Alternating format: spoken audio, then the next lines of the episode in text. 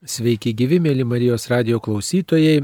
Šioje laidoje noriu Jums pristatyti ekonomikos ir politikos dalykų dėstytoją dr. Vincentą Vobolevičių. Sveiki gyvi. Sveiki. Taigi, mielas Vincentai, džiugu, kad atėjote į mūsų studiją. Galime šiandien kalbėtis tokia visiems e, turbūt dažnai svarbia tema apie charizmas, apie tai, kuo mes esame apdovanoti ir kaip tą charizmą, tą dovaną atpažinti. Gal pirmiausiai įsiaiškinkim nuo terminų, pradėkim, kas yra charizma ir kaip ją iš tiesų atpažinti žmogaus gyvenime, savo gyvenime galbūt pirmiausiai, o gal kito žmogaus gyvenime geriau. Taip, ačiū kunigė Sauliu už klausimą ir ačiū už pakvietimą su pirmas iki šiuose nuostabiuose naujose Marijos radio patalpose. Tikrai puikios studijos, džiugu čia lankytis, tikiuosi lankysiuosi dažnai. O kalbant apie charizmą, tai iš tiesų, kaip ir visi žinome, pagal bažnyčios mokymą, charizma yra Dievo dovana, kur yra suteikima žmogui arba žmonių grupiai su tikslu, kad būtų plečiama Dievo karalystė, gelbėjimo sielos, atskleidžiamas tikėjimas. Ir mes kartais kalbam apie grupėms suteikiamą charizmą, kaip pavyzdžiui, tam tikrų vienuolyjų charizmą. Na, vad, karsų šventieji, šventasis Pranciškus, šventasis Dominikas ir kiti, palaimintasis Jurgis Matolaitis turėjo tam tikrą pajūtimą, kad tam tikrų konkrečių laikų, tam tikrose aplinkybėse katalikų bažnyčiai šiame pasaulyje reikalingos tam tikros ypatingai darybės. Ar tai nuolankumas, ar tai visuomeniškumas, ar dar kažkas tai. Ir to pajautimo, tos, to šaukimo vidinyje būrė apie save panašiai mąstančius žmonės ir kūrė vienuolijas. Tačiau charizmas arba Dievo dovanas gauna ne vien tik tai didieji šventieji, kurie vėliau steigia vienuolijas pavyzdžiui, bet ir kiekvienas iš mūsų. Kiekvienas žmogus gauna tam tikras dovanas, mes apie tai žinom iš Biblijos, iš talentų palyginimo, tas dovanas turi leisti į apyvartą ir vėliau turės netgi duoti tam tikrą apyskaitą. Bet apyskaita, ką mes padarėm su tom dovanom, nutikė gana baugiai, tai kad kalbėti truputėlį maloniau, tai galima atkreipti dėmesį į tai, kad panaudojimas Dievo duotų dovanų turi vieną gražią savybę, tai yra vidinį džiaugsmą. Tu, kai naudoji Dievo duotas dovanas, jautiesi gerai, nes vykdai Dievo planą. Dėl atpažinimo Aš manau, čia tokia istorija įtraukinti ne vien tik tai žmogų ir viešpati, bet taip pat ir aplinkui esančių žmonės, kurie padeda tas charizmas atrasti. Pirmiausia, aš manau, padeda tėvai. O kokia mintis yra? Jeigu vaikas buvo puoselėtas, jeigu jisai, sakykime, išmokintas būti dėmesingas, paslaugus, kantrus, tai tada gyvenime jam bus lengviau pastebėti įvairias galimybės, kuris gali patarnauti tik kitiems žmonėms. Jeigu vaikas negavo tos geros pradžios ir užaugo ar tai savanaudis, ar tai labai neurotiškas, ar tai pastovi stresiniai būsenoj, tai tada to nerimo, tam tikro triukšmo, galbūt emocinio fone, būtų sunkiau pastebėti Dievo duodamas dovanas ir galimybės. Tai tėvų tinkamas vaidmuo, kuomet vaikui yra duodamos geros savybės, tokios darybių užuomasgos, o kartais ir visos darybės yra labai svarbus. Tada jau žmogus, kai jaunam amžiui lavinasi, taip pat labai svarbius kloja pamatus savo charizmos atradimui. Tai tarkime, jeigu tu kruopščiai dirbi, mokaisi, ar tai bus akademinis rytis, ar tai profesinis rytis, nesvarbu, arba ciuvys ar profesorius, tu įgyji galimybę būti tam tikros ryties meistru,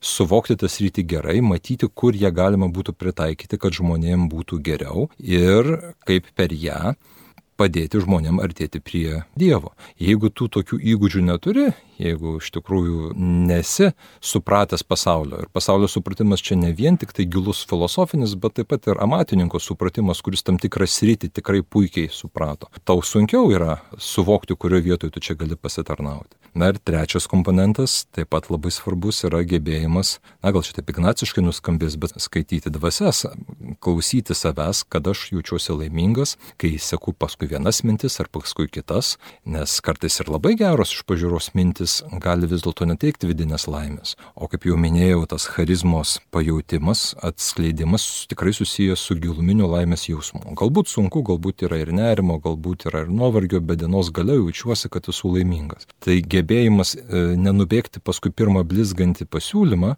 kad ir koks geras jisai beskambėtų, bet palaukti, išlaukti, pažiūrėti, kuris iš tų kelių pasiūlymų, kelių gyvenimo kelių teikia džiaugsmą netgi sunkiom aplinkybėm, ramybė vidinė teikia gal, irgi svarbus gebėjimas.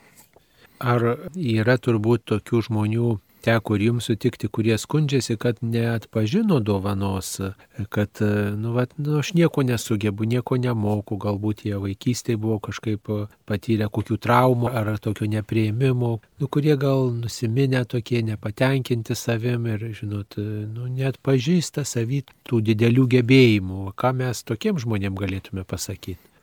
Tiesiog apie dovaną ko gero šiais laikais labai mažai yra kalbama, nes e, netgi ir jaunų žmonių tarpe, kurie realiai de facto e, ieško savo pašaukimo gyvenime, labai mažai yra to supratimo, kas yra pašaukimas, kas yra Dievo dovanos, yra daugiau keliami klausimai per tam tikrą malonumo prizmę, vėlgi ne visiškai klaidinga, nes kai tu atrandi savo pašaukimą, tu jauti tą džiaugsmą, bet tu kažkas mane daro laimingu, kokia veikla man padės pasiekti savo tikslų, čia žinoma jau nukrypstama nuo Dievo pašaukimo kelio, nes pirmiausia ne savo tikslai, o Dievo tikslas tau yra, bet vis dėlto kalbėjimas jaunų žmonių tarp yra daugiau vat, laimės, gebėjimo būti lyderių, gebėjimo kurti kažkokį produktą ir būti pripažintų, tai darant rėmose. Ir iš tikrųjų yra labai sunku susidūrus su žmogumi, kuris neturi stiprios krikščioniškos formacijos, kalbėti apie pašaukimą. Galima tą terminą ir paaiškinti, bet labai sunku, jeigu žmogus pirmas iki jį išgirsta būdamas ten, tarkim, 18 metų, tikėti tikėtis, kad jisai jį priims ir staiga ims jo operuoti lengvai. Bet, kalbant apie žmonės, kuriems trūksta drąsos tiesiog įsitraukti tam tikras veiklas, tai čia be abejo tokių atvejų yra nemažai, jų priežastis yra įvairios, kartais pavyksta tiesiog švelnių žodžių, padrasinimu, kartais su jaunu žmogumi studentu užtenka tiesiog paskaitų nueiti išgerti podelį kavos, pasikalbėti apie jų gyvenimą, apie tai, kas juos neramina. Ir matai, kad tie dalykai realiai nėra pagristi, matai, kad žmogus turi supratimą apie tai, ką studijuoja, reikia tik tai padrasinti, čia yra lengvas atvejas. Padrasinti, jisai pamato, kad pasisekė, jisai užsikabina ir už semestro gale jaučiasi laimingas. Kitais atvejais reikalingi daug rimtesni pagalba, kartais žmogus turi giluminį emocinį, kokį nors nerimą ir tada, kad ir kaip gerai jisai atrodo supranta dalyką, vis tiek nesijaučia kad tas dalykas gali būti jo, jo talentas, jo dovana. Čia panašiai kaip anoreksikai, kad ir kokie jie yra liekni ar kudi netgi ploni, bet jie jaučia, kad jie galbūt yra per stori ir čia nėra susijęs su faktu, tu tą faktą gali rodyti veidrodį atsukęs, bet ir kažkoks vidinis sužeidimas. Ir šitoje vietoje iš tiesų yra sunku, reikia švelniai, ne, jokių būdų neįžydžiant, nukreipti žmogų pas kažką, kas galėtų jau su juo giliau kalbėtis, pasiteikti psichologinę arba pagėdautiną ir dvasinę pagalbą, dvasios tėvas palidėjimą suteiktų. Ir čia tie sunkesni atvejai. Laimiai, mano patirtyje, dauguma tų atvejų buvo prie lengvesniųjų, kur užteko padrasinimo, papildomos pagalbos, jeigu žmogui kas neaišku, kad jisai užsikabintų ir pajustų atradęs vieną ar kitą džiaugsmą. Turbūt kalbėdami apie charizmas, tas dovanas, kurias žmonės turi, tai turime tokius dvi sritis galbūt išskirti, du tokius aspektus, tiksliau gal tai pasakyti. Vienas dalykas, kad mes visi apdovanoti tam tikrom dovanom ir turim kažkokius pomėgius, talentus, kažkokius gebėjimus, kažkas mus traukia daryti, kažkas mus džiugina, mums sekasi, mums patinka, kad ir mažas dalykas gaminti valgyti arba melstis, žmogus turi va maldos dovaną, įtraukia, jis, jis ilgai gali melstis, jis mėgsta mėgsta specifinės maldas kažkokias. Va gal viešpats ir apdovanojo va tokio maldos, maldingumo tą dovaną tokią. Tai vienas dalykas ją atpažinti ir naudoti, bet kitas aspektas yra tai, kad e, dažnai charizmą siejame su tokiu nu, gebėjimu kitus patraukti. Sako, o jis charizmatiškas žmogus, reiškia, turi, kaip sakoma, cinkelio kabutėse, tokio šarmo, kuris užkrečia kitus, kuris gali būti lyderiu. Gal tai tikrai tas va, antrasis charizmas charizmos aspektas ir siejamas su lyderystė, kad, reiškia, turi charizmą, tai vadinasi, turi lyderio savybių, reiškia, kad kitus gali patraukti, uždegti ir kiti, o tai bent, va matai, ir aš Dievu noriu tikėti ten, arba, o ir aš eisiu paskui tokį, o tai ir aš atsiliepsiu, stengsiuos, dirbsiu, keisiuos. Va gal apie tokią charizmą, nu, vat, irgi verta kalbėti, kad, reiškia, žmogus turi kažkokio lyderio savybių turbūt. Be jokios abejonės, aš čia paspekuliuosiu, bet man atrodo, ta tokia charizma, kaip gebėjimas patraukti žmonės yra gal susijusi ir su tais didžiaisiais mūsų šventaisiais, kurie aiškiai turėjo charizmas, Dievo duotas dovanas, reikalingas tam tikrų metų bažnyčiai ir taip jas išreiškė, kad paskui jos žmonės jo masiškai kūrėsi vienuolijos, kuris iki šiol gyvena, kūrėsi judėjimai dvasiniai. Tai čia akivaizdu, kad šitie žmonės ne tik tai tyliai kambarėlėje mokėjo melstis ir turėjo tą dovaną, bet turėjo dovaną traukti paskui save žmonės. Bet man atrodo, kad galbūt yra tam tikras ryšys tarp e, tos tylios dovanos ir viešos e, traukiančios žmonės dovanos. Nes kas traukia žmonės, taip, jeigu pažiūrėsim, mūsų laikais dažnai atrodo, kad tas e, charizmatiškas lyderis turi būti kažkoks blizgus, kažkoks su ferverkais, toksai truputį sukonstruotas gal viešųjų ryšių specialistų, kad žmonėms aplinkui jį būtų linksma, būtų įdomu, kad jisai judintų jų emocijas, kutentų galbūt tam tikrą prasme primityvius ten polinkius, ar, ar kviesti į kovą, kviesti į malonumą ar dar kažką tai. Bet tas toksai žaidybinis vadovavimas, aš manau, jisai greitai išsikvėpia. Tikrasis lyderis, ir tą labai jauti bendraudamas su žmonėms, su jaunais žmonėms, su studentais, tikrasis lyderis yra žmogus, kuris myli, išmano ir nepologetiškai daro savo darbą, kuris iš esmės yra geras. Jeigu tu e, savo duotą dovaną puoselėjai tobulai, kiek įmanoma tobuliau, sakykime, jeigu tai darai neapologetiškai ir jeigu žmonės tai mato, yra didelė tikimybė, kad tų žmonių akise turėsi pagarbą. O ką reiškia apologetiškai? Neatsiprašinėdamas. Ne, ne, oi, atleiskite, aš čia žinote, dabar truputėlį pasimelsiu, bet jums nebūtina. na, aš apie, apie maldą konkrečiai pasakiau, bet, na, sakykime, yra ir um, akademiniam pasauliu žmonių, kurie, sakykime, katalikybę ar savo religinius įsitikinimus tarsi bando atsijėti nuo savo akademinės veiklos. Ir aš tą iš dalies puikiai suprantu, kadangi na, mokslas yra mokslas, jisai iš esmės yra toksai žavingas, kad nepasiduoda iš pat pradžių normatyviniam momentui, tik tai pasiekus mokslo ribą, tik tai pasiekus tai, ką mokslas gali paaiškinti, tada kyla klausimai apie tai, iš kur visa tai, kokia to prasme. Bet savo virtuvėje mokslas tvarkosi, jeigu taip galima sakyti, pozitivistiškai, galvodamas, kaip kas veikia, o ne kodėl kas veikia. Tai tas iš dalies yra gerai. Bet iš kitos pusės, jeigu esi katalikas, esi kviečiamas ir liūdyti. Tai galima, sakykime, kad ir taip pat padėti kokį kryželį ar šventą paveikslėlį pas save ant stalo, galima studentams per paskaitą užsiminti apie religijos privalumus, apie tikėjimo privalumus. Yra daug būdų, kaip tai galima padaryti. Tai nepologetiškumas tai reiškia davimas žmonėms žinoti, kokia yra tavo laikysena, kas tave motivuoja. Tačiau labai svarbu tą daryti nepropagandiškai, ne, nemojuoti Bibliją, ne, ne, netapti tokia davatka, netapti moralizuotojų, o tiesiog žmonės žinos, tavo pažiūros, iš tų ženklų, kuriuos tu duosi. O toliau, jeigu tai, kad tu darai, tu darai kokybiškai, profesionaliai ir neatsiprašinėdamas už tai, ką darai, tu jaunų žmonių tarpe ir visų žmonių tarpe sukeli tam tikrą pasigėrėjimą ir norą tave sekti. Nei vienam man tikrai nepavyksta to padaryti šimtų procentų tobulai, bet tikslas yra vis tiek ne šau, ne ferverkai, ne spektakliai, o ramus, užtikrintas, kokybiškas darbo darimas su žinia taip pat, kad tą darbą motivuoti, darbą daryti tave motivuoja viešpats, tu to nesigėdėjai, tu tą davė žinoti žmonėms, jeigu jie tą nori žinoti. Ir tada, kas norės giliau paklausti, pas tave ateis ir paklaus. O kodėl paklaus? Paklaus dėl to, kad tavim pasitikė. Ir tas galioja ne tik dėstytojui, tas galioja eiliniam specialistum. Tarkim, tu geras batsiuvys, kokybiškai padarai savo darbą, mandagiai bendrauji su žmonėmis, pas tave tavo artelėje visada tvarkinga ir švaru, tu visada maloniai pasitinki ir išlydi. Ir tu keli pasigėrėjimą, tu keli, tu keli pagarbą savo. Ir galbūt niekas pats tave neteis klausti gilių gyvenimo klausimų klausimų. Bet ką gali žinot, gal koks vaikas ir paklaus, kaip jam pasielgti sunkioje situacijoje.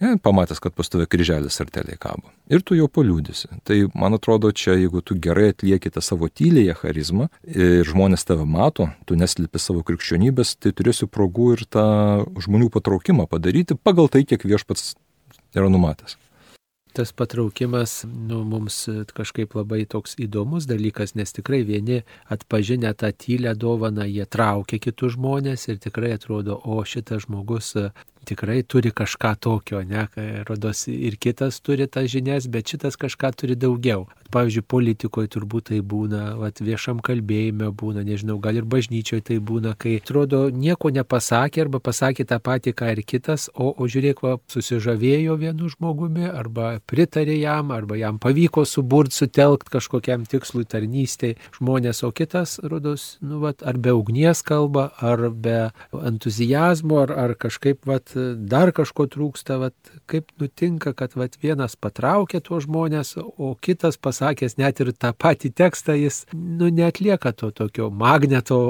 funkcijos, net, netraukia prie tos misijos, kuri galbūt yra ir labai graži.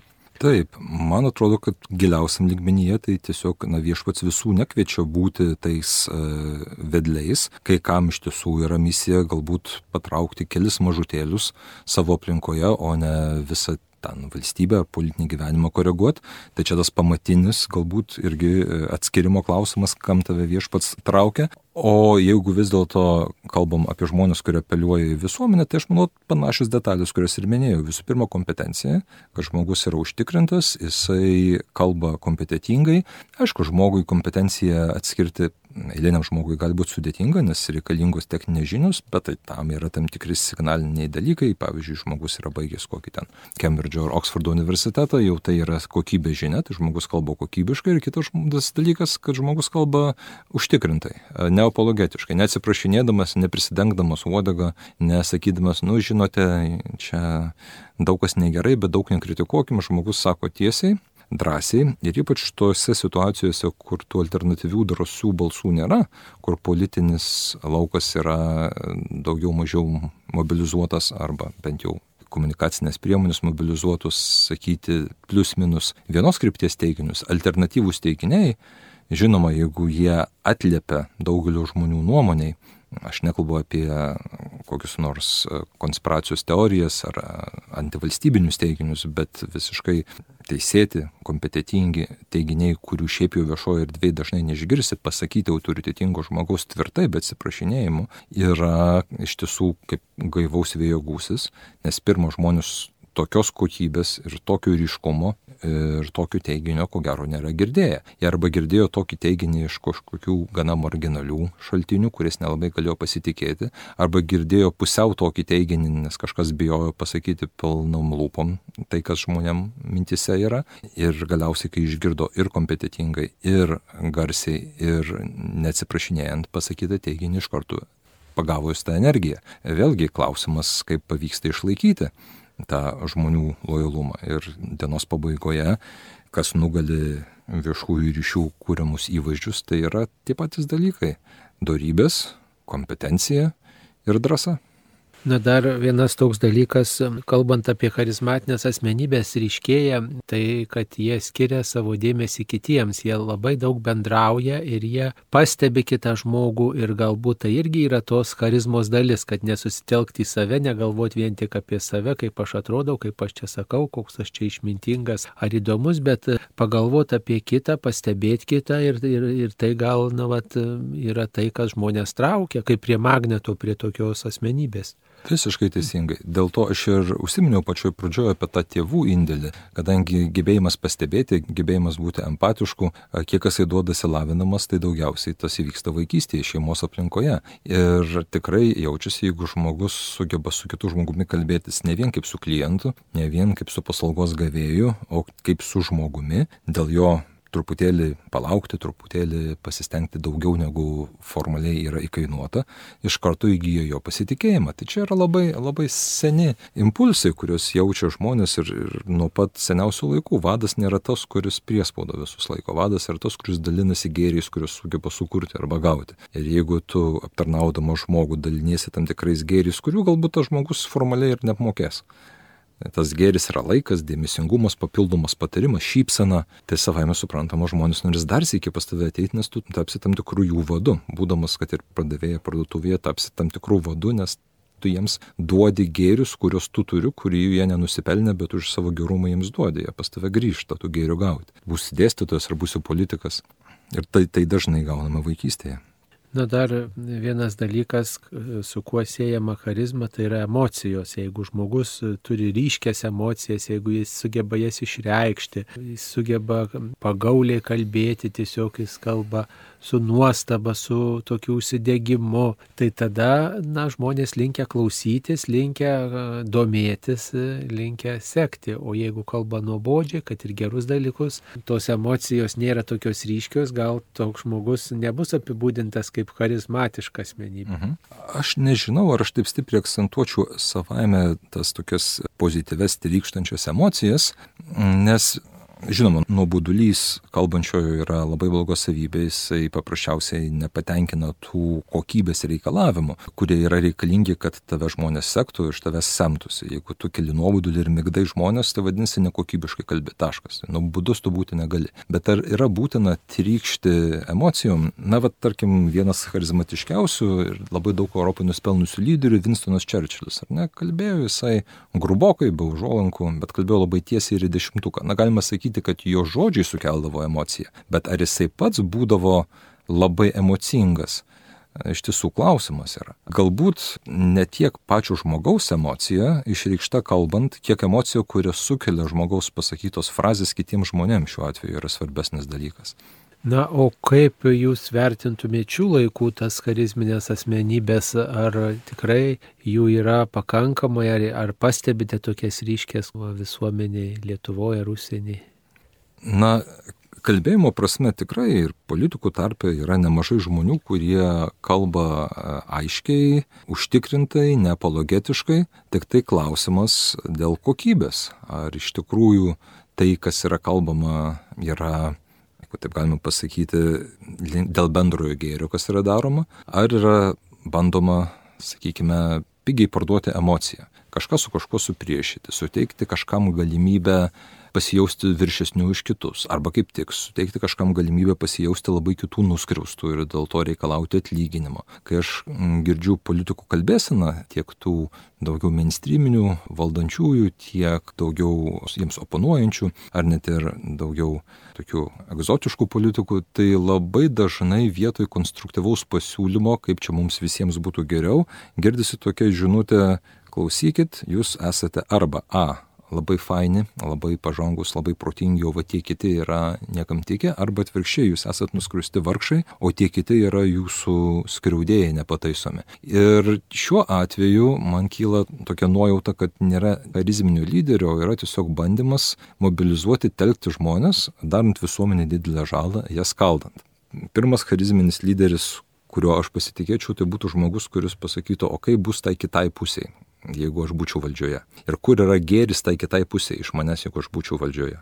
Na, sakykime, vakarų Europoje jau senas tas kalbėjimas ekonomikos plotmiai apie pajamų perskirstimą. Ir kaip žinia, žmonės, kurie turi didesnės pajamas arba kurie yra verslų savininkai, nėra labai linkę perskirstyti pajamų, kadangi jiems natūraliai norisi pasilikti didesnę dalį uždirbtų pajamų savo. Tačiau argumentas, kurį pradėjau daryti to meto, o čia kalbu apie 20-ojo amžiaus antrą pusę, krikščionių demokratų ypač, o taip pat šiek tiek ir socialdemokratų partijos buvo tas, kad žiūrėkit, bičiuliai, jūs iš tikrųjų pasipelnysite, jeigu jūs pasidalinsite savo pajamomis su kitais. Nes gavę geresnės galimybės šviestis, gavę geresnės galimybės tobulėti, tie žmonės, kurie šiaip jau būtų pigi darbo jėga, dabar bus rafinuota darbo jėga. To pasiekoje jūsų įmonės turės geresnius darbuotojus ir jūs gausite iš to naudos, gamindami geresnės, brangesnės prekes, kurias pirks visas pasaulis. Ir kai girdi tokį argumentą, tu matai, kad oho, čia yra bendrojo gėrio krislas. Čia nėra vien tik tai, ei, klausykit, tai šitie turtuoliai,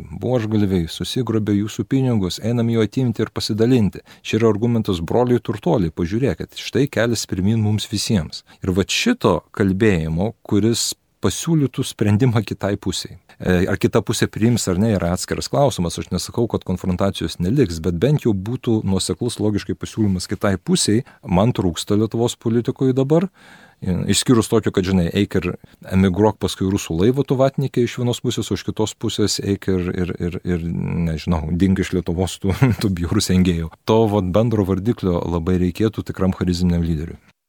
Kaip manot, mūsų bažnyčioje ar reikia tokių charizminių lyderių? Nu, yra hierarchai, kurie yra tokie autoritetai mums didesni ar mažesni, yra klebonai parapijų, ar bažnyčioje tikrai reikia daugiau tų tokių ryškesnių lyderių, kurie padėtų tą Evangelijos žinę galbūt kitaip suprasti ir tokiu veržlumu, entuzijazmu didesniu vestų į tikėjimą.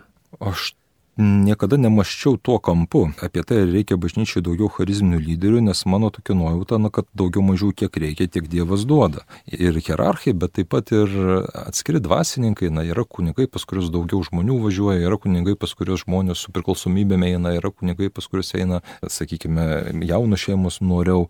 Ir tai yra tos charizmus ir mes jų turime. Na, pažiūrėkim, kad ir dabar nevardinsiu, bet galima būtų išvardinti eilę kunigų, kurie traukia žmonės. Aš bendrai tai galvočiau, kad gal bažnyčiai truputėlį trūksta vyriškos charizmos. Kunigai, aišku, yra vyrai, bet tikinčiųjų gretos yra didelė dalimi moteriškos. Ir pasižiūri į tas nuotraukas ir gaunasi sniego gniuštės efektas. Vaikinas pažiūri, nu, bet tenais keturios merginos, du vaikinai, čia dar nieko, šešios merginos, du vaikinai ir galvoji, tai ten ko gero kažkoks kitoks, nu, ne, ne toks institutas, ne tokia terpė, kur norėčiau eiti. Nebent norėčiau žmoną susirasti. Savai mes suprantama, gerų žmonių katalikių tarpė yra daug, pats esu, galiu paliūdyti. Bet kažkaip tai man toks vaizdas, kad vyrų tarpė reikia liūdėjimo ir tokio liūdėjimo, kurį jis suprastų. Tie vyrai, kurie dar nėra atsivertę. Tai už tai reikia melstis ir galbūt patiems kažką tai vat, bendraujant vyrams su vyrais, nemoralizuojant, nekalbant apie dalykus, kurių niekas nesupranta iš pasauliečių tarpo, na, sakykime, ten maldos grožį, čia jau aukštoji matematika. Bet apie bendrystę, sakykime, apie tylos gėrį, nusiraminimo gėrį, nusiraminti prieš švenčiausiojo, nu, gal atsirastų vyrų.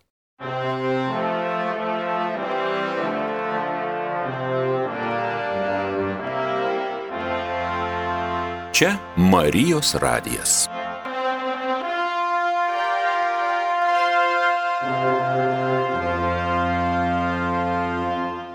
Mėly Marijos radio klausytojai, kalbame su Vincentu Vobolevičiumi, ekonomikos ir politikos dalykų dėstytoju ir kalbamės apie charizmą, apie dovaną, kurią turi žmogus ir gali tą dovaną patraukti kitus į vieną tikslą, gerą tikslą. Aišku, gali būti turbūt, kad e, charizmatiška asmenybė patraukia ir į netinkamą kelią. Ar gali tai būti, kad žmogus toks nuvalinkęs galbūt į kažką tokio, kas prasilenkia su Dievo valia ir jis kitus į tai patraukia. Tai be abejo, aš manau, kad piktoji dvasia tai tin stengiasi tuos įtin e, apdovanotus žmonės pakreipti savo linkme. Na tai pažiūrėkime, kiek milijonų traukia, kad ir tas pats Hitleris, ar vienu metu ir Leninas, ar kiti galvožudžiai. Tikrai buvo nuostabus oratoriai, tikrai buvo neapologetiški, nesiprašinėjau už tai, ką sako, tikrai tą savo velnišką e, sistemą kūrė našiai ir profesionaliai.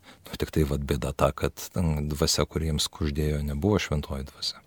Na turbūt visi norėtų įvardinti vieną ar kitą dovaną arba pageidautų galbūt, na, vat, atpažinti, kokią dovaną turi ir um, tiesiog gal ir kitus veikti, žinot, kitus patraukti arba turėti reikšmės kitiems žmonėms. Ar įmanoma tą charizmą įsiugdyti savy, ar čia yra duotybė, ką viešpats davė, tą davė, tu nelabai čia ką įsiugdysi. Aš manau, kad ugdymas yra svarbi dalis, bet ugdymas nesiekiant savo valia kažką su sukurti, o siekiant atpažinti, ką viešpats davė. Kaip jau minėjau, pirmiausia šeimoje ūkdymas, kad vaikas turėtų tos įrankius, kurie leidžia klausytis tai, ką sako viešpats ir jautriai, supratingai, kantriai reaguoti į aplinkinius. Tai čia yra charizmos pagrindai, kad tau uždėtų šventoji dvasia ir kad tu su žmonėmis bendrautum jautriai ir įtraukiai. Bet tada yra darybės, išminties darybė, kantrybė, drąsa, visi šitie dalykai neatsiranda savaime, juos reikia užsiugdyti. Kai juos išsiugdai, tada tau atsiveria galimybių laukas. Tu gali su tom savybėm pasireikšti ten ir moksle, ir versle, ir e, šau pasaulyje, žurnalistikoje. Ir jeigu tave jauti, kad traukia praktiškesni dalykai, gali būti ir aukštų lygio amatininkas, specialistas, statybininkas, kas nori. Ir tada toje srityje, kur tu dirbi, klausimas yra, ar tu dirbi dėl ko. Na, žinoma, visi dirbam dėl pinigų, nes turime išlaikyti save ir savo šeimas, bet yra klausimas, ar taip pat toje srityje tu kažkaip tai gali apaštalauti, ar gali traukti žmonės prie viešpačio. Ir čia tada tie pirminiai įgūdžiai klausimas Dievo, ką dabar turėčiau daryti, kur mane vedi, gebėjimas prieiti prie žmonių ir juos paskui save patraukti yra labai svarbus. Bendrai paėmus, ypač jaunesniems žmonėms, sakyčiau, ugdytis darybės ir išbandyti įvairius dalykus, pabandyti vieną kitą studijų galbūt krypti, vieną kitą specialybę, vieną kitą savanorystės būdą, vieną kitą stažuotę ir žiūrėti, ar yra tas vidinis džiaugsmas, ne vien tik tai, kad, žinot, be pigų džiaugtis, kai tave visi giria, kai tu gauni atlyginimą gerą, kai tu lipi karjeros laiptais, toks šio pasaulio džiaugsmas, už kurį jau gavome atlygį šiame gyvenime, be abejo yra labai jaučiamas. Bet kartais būna, kad įvyksta sunkus dalykai, staiga ne, neteisėtai kaip nors esi nepagristai tiksliau kaltinamas, arba tu stengiasi ir staiga gavai netokius gerus įvertinimus, kokių maniai buvo įvertas. Va tokiuose išbandymuose paaiškėja, ar tu vis dar jauti tą vidinį džiaugsmą būdamas toje valtyje, ar vis dar jauti ramybę darydamas tai, ką darai. Tu žinai, kad gerai padarėjai, tu žinai, kad galima patobulėti, bet visada galima tobulėti, čia ne problema. Tu žinai, kad nors dabar į tave skrenda strėlės, tu nori šitoje pozicijoje likti ir toliau dirbti. Ir dirbti tiek, kad išlaikyti save ir šeimą, bet tuo pačiu metu ir kad skleisti gerąją naujieną aplinkui save. Jeigu to nejauti, sakai, vah, man dabar tiesiog purto nuo tos vietos, kurioje aš patyriau šitą neteisybę ar blogybę. Ir turi alternatyvų, o turės alternatyvų, jeigu esi gerai išlavinęs darybės, tai tada tada supranti, kad ta vieta ne tau. Jeigu netgi sunkiu momentu jauti vidinę ramybę, tai tada geras ženklas, kad esi ten, kur turi būti. Nu, kaip krikščioniškas tikėjimas padeda charizmas ugdyti, kad pažinti ir, ir būti tą charizmatinę asmenybę, tokia kitus patraukiančia, juk nepaslaptis, kad dažnai bažnyčioje nėra tokių aktyvių, išraiškingų žmonių, kaip pavyzdžiui, kitose srityse, ne, kur už bažnyčios ribų, kurie nėra tikintis, nelanko krikščioniškų maldos grupių, tiesiog iš viso jiems bažnyčia svetima, bet jie va, turi kažkokią dovaną, jie turi kokį talentą, kuris kitus traukė. Jie turi to cinko, kaip sako. Mhm.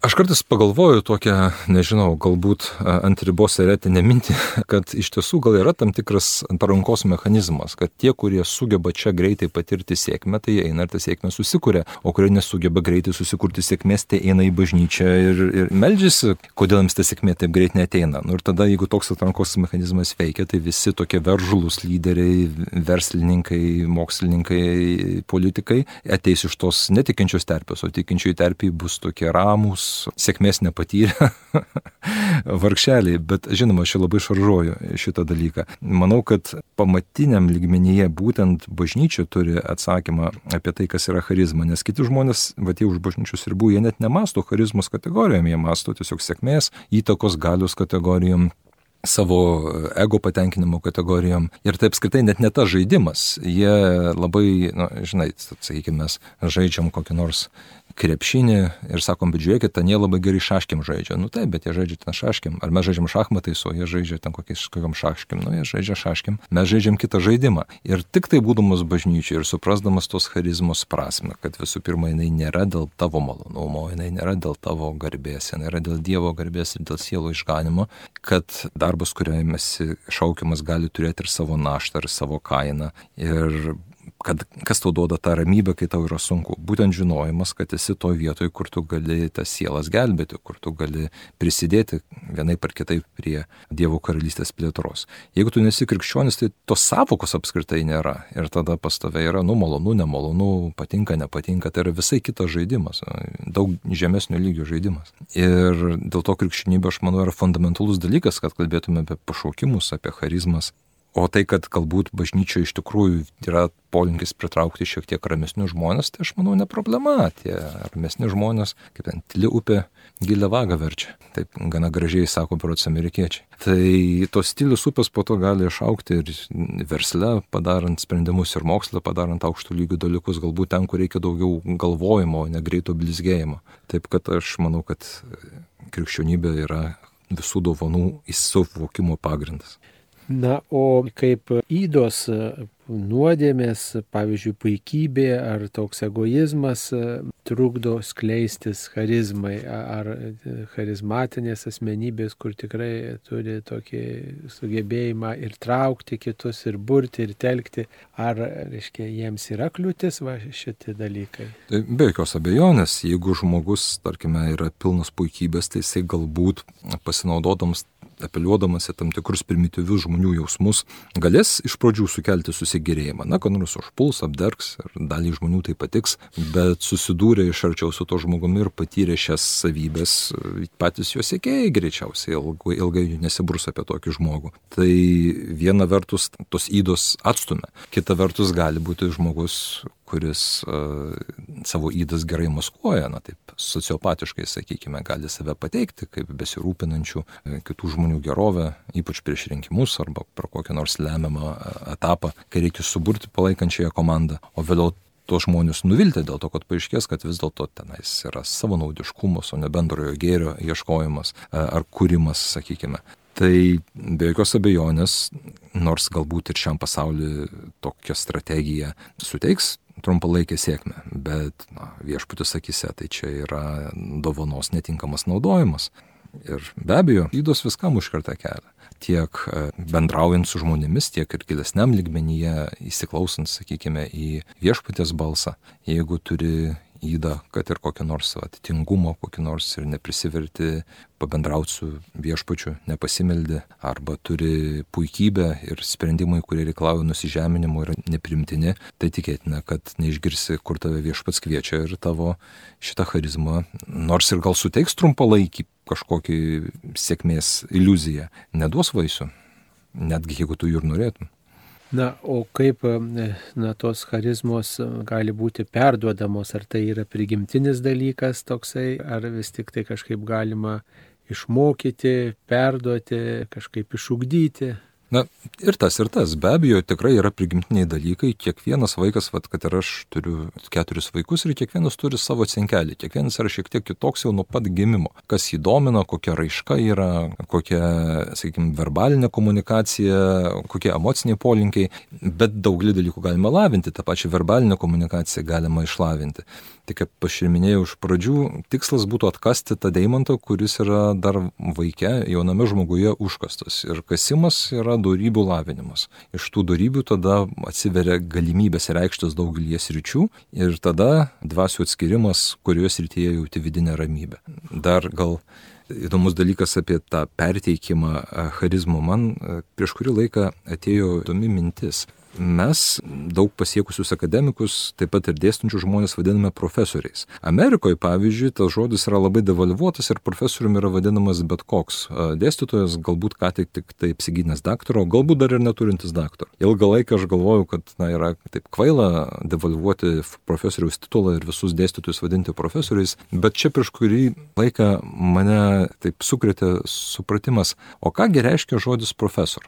Aš esu tikras, kad latiniškai reiškia tą patį, angliškai professor reiškia išpažinėjas. Profes. Profes yra išpažinti. Bet ne išpažinti nuodėmės, nes išpažinti nuodėmės yra confess, o išpažinti savo tikėjimą, kaip tikėjimo išpažinimas, profession of faith. Ir profesorius yra tas, kuris išpažįsta kai pagalvoju apie tai, tai yra fantastika. Ir iš tiesų tada visų lygių dėstytojai, kurie stovi prieš auditoriją ir kurie bendrauja su jaunimu, jie pirmiausia yra išpažinėjai. Ir ką jie išpažįsta? Na, kaip minimum jie išpažįsta mintį, kad yra prasme, kad yra prasme stengtis, Nes jeigu tu esi visiškas nihilistas, na žinoma, galbūt tu dėstai dėl to, kad gautum pinigų pragyventi, bet tai tu būsi labai prastas profesorius.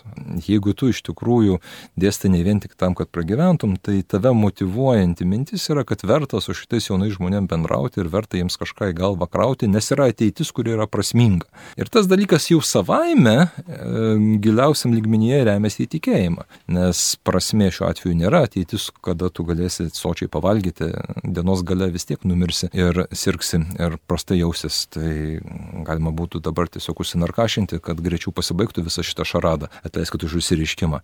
Bet jeigu tu iš tikrųjų mokai žmogų kažko, bet ko, matematikos, dainavimo, ko nori, tai tu įmokai dėl to, kad tu matai prasme ateičiai, matai viltį ateičiai, kažkokią viltį, kuri nesusiredukuoja vien tik į sotų gyvenimą, savai mes suprantama, nes sotus gyvenimas nepatenkina. Ir jau tai, jau tą dalyką tu skleidi savo studentams, kad yra viltis ir kad dėl ateities yra verta stengtis. Bet tu daugybę kitų dalykų jiems e, suteiki. Ne vien tik žinias, bet ir, sakykime, atsakomybės jausmą, namų darbai, jų padarimas laiku, jų padarimas tvarkingai, žinia, kad vienas kitam turi padėti. Kaip dėstytojas, tu padedi studentams ir jie žino, kad gali tavimi kliautis.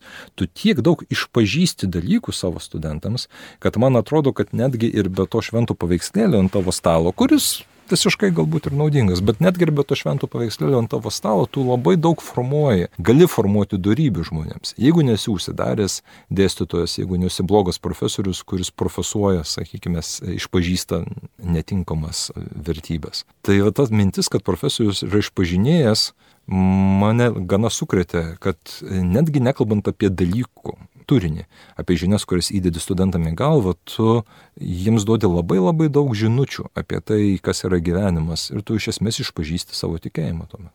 Išpažinėjas turbūt keliom prasmėm gali būti ir, ir žinias pažinti ir jas kelbti ir jom pasikliauti ir kita vertus, vat, kaip sakot, vertybės, taip, taip. tą uolumą, kruopštumą, susidomėjimą tokį dalykų turbūt vat, paliūdyti. Na nu, ir aišku, mes krikščionės sakytume, kad ir, ir tą kurėjo pažinimą ir viešpaties atpirkėjo žinę nešti toj aplinkoje ir tokiu būdu būti tuo charizminiu žmogumi.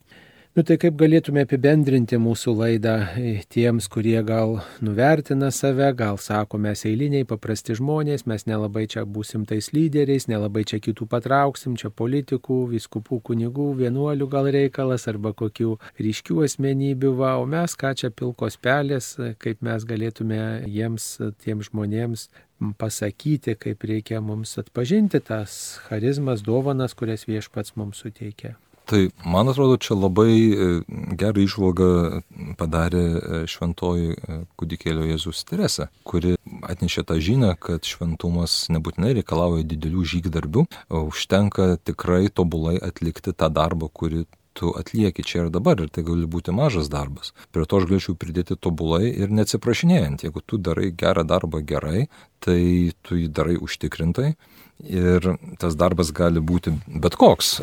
Žmonės tavyje matys meistrą, žmonės tavyje matys lyderį. Ir lyderis nebūtinai tas, kur stovi ant pačkos ir kitus kviečia paskui save, tas paprastai suprantamas charizinis lyderis. Lyderis yra žmogus, kuris daro gerai, tai yra jisai gali sukurti naudą ir kuris tą naudą dalinasi. Galbūt dalinasi šiek tiek daugiau, negu jam yra užmokama. Tai yra daugiau turiu minyje papildomą laiką, kaip tu pakalbėsi su tuo mokiniu ar su tuo klientu, papildomą instrukciją, žinias, kurios suteiksi galbūt už ačiū, šypseną, kurios suteiksi. Ir viskas, tu gali būti ramiausias, tyliausias batsiuvys, ramiausias, tyliausias dėstytojėlis, ramiausias, tyliausias žmogus, jeigu tai darai puikiai ir jeigu tą savo sukūrimą naudą daliniesi su kitais daugiau negu kad jau tau sumoka, truputėlį daugiau. Ta daugiau gali būti labai nežymus dalykas. Šypsina, pavyzdžiui, jie tave laikys lyderiu, tos ryties lyderiu, laikys tave žmogumi, kuriuo galima pasitikėti. Žmogumi, kuris yra savas bičias.